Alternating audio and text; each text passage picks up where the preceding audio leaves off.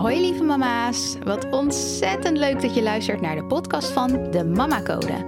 In deze podcast kan je rekenen op een wekelijkse waardevolle talk vol inspiratie, motivatie en eerlijk optimisme. Want daar kan je als moeder altijd wel een extra dosis van gebruiken.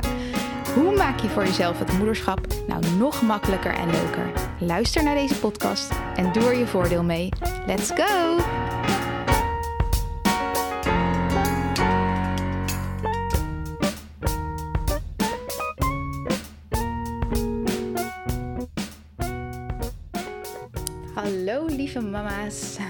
Op deze koude, maar zonnige dag, het heerlijk even naar buiten geweest ook, uh, ben ik nu weer achter mijn microfoon gekropen. En uh, de vorige keer heb ik de podcastaflevering teruggeluisterd en merkte ik dat er heel veel ruis op de lijn was. En achteraf gezien snap ik ook waarom. Ik, had, uh, ik was even heel relaxed gaan zitten met mijn microfoon. En die had ik dus vastgehouden in plaats van op het statief gezet. Dus excuses daarvoor. Ik heb het gehoord, maar ja, dat was achteraf pas. Dus uh, toen had ik de hele podcast al opgenomen. Ik hoop dat dat niet veel uh, verstoring heeft gezorgd. En uh, nou, vanaf nu zal dat dus niet meer er zijn. Maar ehm, ja, de kinderen zijn lekker aan het spelen. mijn man is de boodschappen aan het opruimen. En ik ben er even tussenuit geslopen. Ehm, ja, net als de meeste moeders hebben, zitten ook bij mij de dagen vol met van alles. Maar de wekelijkse podcast van de Mama Code is wel echt iets wat ik voor nu heel graag wil blijven doen. Ik krijg er ook hele mooie reacties op, waarvoor veel dank. Ik vind dat echt super om terug te horen. En um, gelukkig vind ik er ook elke keer weer de ruimte voor om de podcast op te nemen. Dus bij deze. En ik geloof ook heilig in het principe van um, Your eyes see what your mind looks for. Dus je ziet waar je naar zoekt, als het ware. En als ik een mindset heb waarin ik mijzelf vertel dat de podcast niet te combineren is met het moederschap, dat het een extra taakje erbij is, en dat het niet vol te houden is, dat ik te veel hooi op mijn vork neem. Als ik dat allemaal aan mezelf vertel, dan zou ik dus ergens de overtuiging hebben van het gaat me niet lukken. Of de overtuiging ik ben niet goed genoeg. En dan zal ik alles rondom de mama-code ook in dat licht zien. En als er dan een hiccup op mijn pad komt, bijvoorbeeld mijn man moet onverwachts ergens heen. En er is op dat moment niemand die op de kinderen kan letten, in de tijd dat ik dan eigenlijk de podcast op zou nemen. Dan zou mijn mindset dat gelijk aannemen als bewijs voor mijn overtuiging, als het ware. Dus dan zou ik mezelf vertellen: zie je wel, het is ook niet te doen. Of nu faal ik met de mama-code. Of ik kan dit echt niet combineren met het moederschap. En dat zijn dan allemaal uitingen van die overtuiging die ik in eerste instantie al had. Die had ik al voor mezelf gezet. Um, ik ben niet goed genoeg. Het gaat me niet lukken. Ja, dan ga ik dat ook zien. Zie je wel?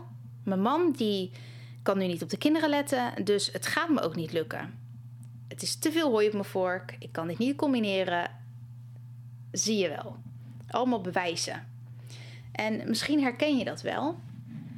Uh, bijvoorbeeld met sporten of met gezond eten. Of in opvoeding of met huishoudelijke taken. Eigenlijk kan je het op alle vlakken herkennen. Uh, stel dat we als voorbeeld nemen dat je gezonder zou willen eten. Maar je hebt diep van binnen ooit de overtuiging aangenomen of opgepikt of gecreëerd dat je niet goed genoeg bent of dat je het niet waard bent. En je mindset is daarmee geconnect met die overtuiging. Dus dan zal je mindset dat altijd beamen en altijd daar bewijzen zoeken om die overtuiging kracht bij te zetten. En het zal je ook voorbeelden aanleveren van andere keren dat pogingen tot afvallen of gezond eten dus ook mislukt zijn. Van toen lukt het ook niet, dus het gaat me nu ook niet lukken. Of als je dan iets eet wat ja, veel suiker bevat of ja, vetvoedsel is, maar dingen die geassocieerd worden met ongezond, dan vertel je jezelf: Nou, nu heb je het alweer verpest. Je kan net zo goed met deze poging ook stoppen. Of als je heel druk bent met de kinderen. En uh, toen is er erbij ingeschoten om naar de supermarkt te gaan, gezond eten te kopen. En vervolgens haal je bij de plaatselijke snackbar wat lekkers af. En dan denk je bij jezelf: het is ook niet te combineren. Het is ook niet te combineren. Gezond eten met kinderen, hoe dan? ik heb het veel te druk als moeder. En op die manier saboteer je dan jezelf en je eigen doelen. En als je daar helemaal oké mee bent, hè, echt helemaal oké mee bent. Dus je voelt je lekker in je vel, je voelt echt diep van binnen dat je nu andere prioriteiten hebt. Je maakt je er niet druk om. Dan is dat natuurlijk helemaal prima. Ik bedoel, ik oordeel daar niet over hoor. Ik, uh, ik, vind dat, ik vind het sowieso allemaal prima. Maar vind jij het prima? Het gaat er puur om hoe jij je erover voelt. Als jij er oké mee bent, dan is het ook oké. Maar als jij er eigenlijk niet oké mee bent en je hebt daardoor nog meer het gevoel dat je het niet waard bent, dat je niet goed genoeg bent en je voelt je er down door, dan weet je dat het iets is wat je wil veranderen. En in het midden van dit proces hoop ik, zoals altijd, hoop ik voor jou dat je lief bent voor jezelf. En dat je na een tegenslag niet jezelf nog eens hup, een paar klappen extra nageeft. Wees alsjeblieft lief voor jezelf. Wees je eigen beste vriendin. Maar het kan dus wel goed zijn om na te gaan als je als je zo voelt. Dat je nagaat um, welke diepere overtuiging daaronder zit. Onder wat jij denkt en wat je doet. Als ik naar mezelf kijk, ik, ik heb bijvoorbeeld de overtuiging dat ik echt heel veel moeders kan helpen met Mama Code. Door mijn gratis content op deze podcast en door via Instagram ik heb de overtuiging dat er heel veel potentie in zit om dit uit te bouwen. Om een cursus te ontwikkelen waarmee ik duizenden moeders op een nog veel dieper level kan helpen. Om hun identiteit terug te vinden. En korte metten te maken met niet dienende overtuigingen. En het creëren van een ondersteunende mindset. Waardoor je lekkerder in je vel zit. Uh, als vrouw, maar ook als moeder. Het is de mama code. Dus vooral op het moederschap gericht natuurlijk. Maar dat staat allemaal met elkaar in verbinding. En dus als dit mijn overtuigingen zijn, en dit zijn mijn overtuigingen, als er dan een hiccup verschijnt op het moment dat ik een podcast op wil nemen, dan werkt mijn mindset heel mooi samen. Net zoals je tegen kan werken, kan het dus ook voor je werken. Het ligt er helemaal aan wat je overtuigingen zijn. Maar in dit geval zijn het overtuigingen die mij ondersteunen. En mijn mindset werkt dan prachtig samen met mijn overtuigingen. En vertelt mij hoe ik creatief met mijn tijd om kan gaan. Het laat me zoeken naar oplossingen, naar mogelijkheden. Zoals bijvoorbeeld, dan kan ik bedenken: oh, nou, uh, het lukt nu niet met de podcast. Hoe dan wel? Ik kan bijvoorbeeld in de avond, als de kinderen slapen, beneden met de microfoon van mijn telefoon de podcast opnemen. Uh, ik kan het tijdstip wanneer de podcast online komt iets verschuiven en dat dan hè, met, jullie, uh, met jullie delen dat het wat later wordt. Um, ik kan voor de volgende keer manieren zoeken om reserve podcastafleveringen klaar te hebben staan. Voor de momenten dat het dus onverwachts minder goed uitkomt om iets op te nemen. Etcetera, etcetera, etcetera. Het kan, ik kan van alles bedenken. Maar het start dus allemaal in de basis. De manier waarop jij in het leven staat, dat vormt je mindset. En van daaruit vormt het je gedachten. En daarop volgen je acties, je handelingen. Dus als we kijken naar het voorbeeld wat ik net gaf van gezond eten. Ja, hoe mooi zou het zijn als je een ondersteunende mindset hierin hebt? Een mindset die je credits geeft voor elke keer dat het wel gelukt is.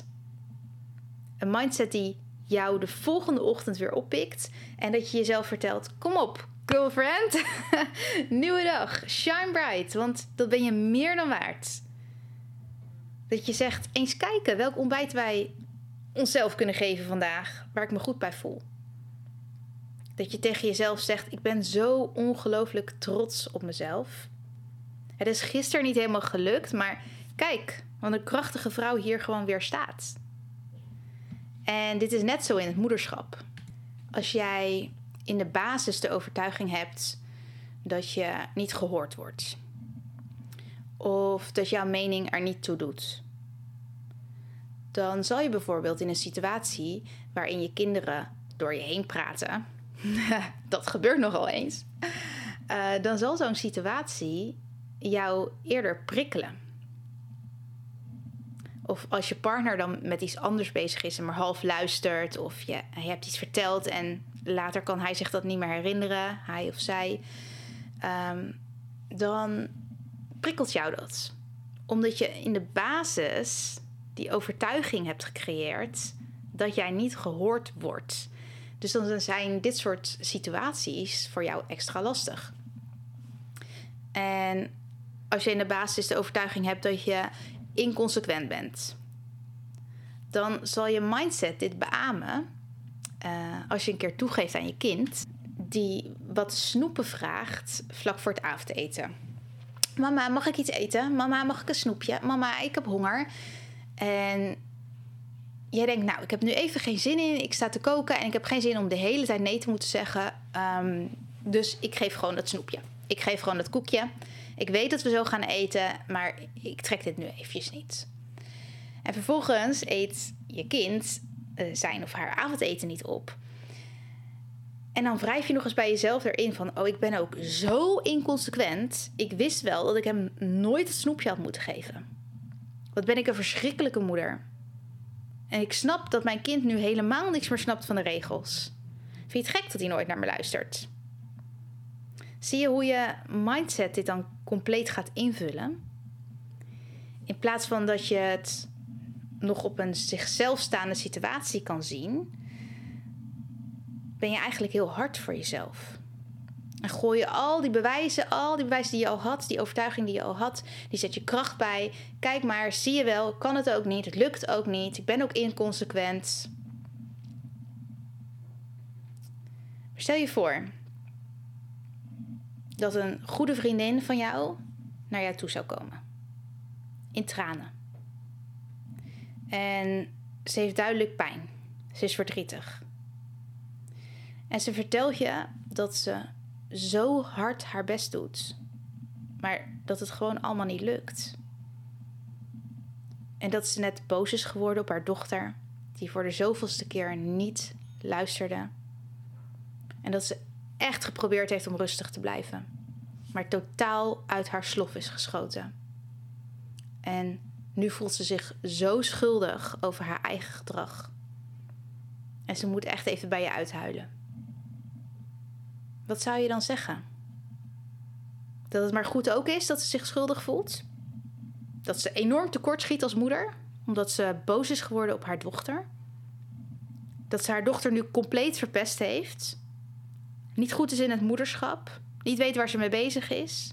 Dat het helemaal niet gek is dat haar dochter niet luistert als zij niet eens weet hoe ze met haar dochter om moet gaan? Nee, toch? Nee, je vertelt haar dat het wel goed komt. Dat je kan zien dat ze zo haar best doet. En dat ze wel een manier zal vinden om met haar dochter samen te werken. Je vertelt haar dat het haar gaat lukken, ook al ziet ze niet direct hoe. En je troost haar en vertelt dat het morgen weer een nieuwe dag is. Dat is wat je haar vertelt. Maar de grote vraag is natuurlijk: doe je dit ook voor jezelf? Vertel je ook dit aan jezelf na zo'n situatie? Kan je er even van balen dat het zo gelopen is en dan reflecteren daarop op een opbouwende manier? Kan je jezelf ondersteunen? Vertel je jezelf dingen die jou ondersteunen en weer krachtig laten voelen om verder te gaan? Your eyes see what your mind looks for. Zie en benoem jij aan jezelf wat er goed gaat en ben je daarin je grootste cheerleader. Of duw je jezelf nog verder de grond in na een situatie die eigenlijk toch al heel lastig voor je was? Ik hoop van harte dat je vanaf nu wat vaker jezelf de credits gaat geven die je echt, echt verdient. Want wij moeders, die doen het allemaal toch maar gewoon even, hè? En eigenlijk is het helemaal niet zo gewoon. We zorgen, we rennen, we vliegen, we doen alles vanuit liefde. We doen het vanuit liefde. Maar we doen het wel. We rennen wel, we vliegen wel. We zorgen wel. We zijn er altijd, we staan altijd klaar, we staan altijd aan. En de ene dag gaat het wat beter af dan de andere. Dat is bij mij net zo. Dat zal bij jou ook zo zijn. Maar daarin is het dan juist belangrijk om ook liefde en aandacht voor jezelf te hebben. En wees je eigen cheerleader. Niet van, kijk mij nou hoe geweldig ik ben, ik rock het moederschap. nee, puur uit liefde voor jezelf. Wees je eigen cheerleader. En ik hoop dat je dit ook echt gaat toepassen de komende tijd. Ik wens je een hele fijne, liefdevolle week. En als je een review wil achterlaten of een aantal sterren op de podcast host waar je dit op luistert, dan alvast heel veel dank daarvoor. En ik spreek jou volgende week weer. bye bye.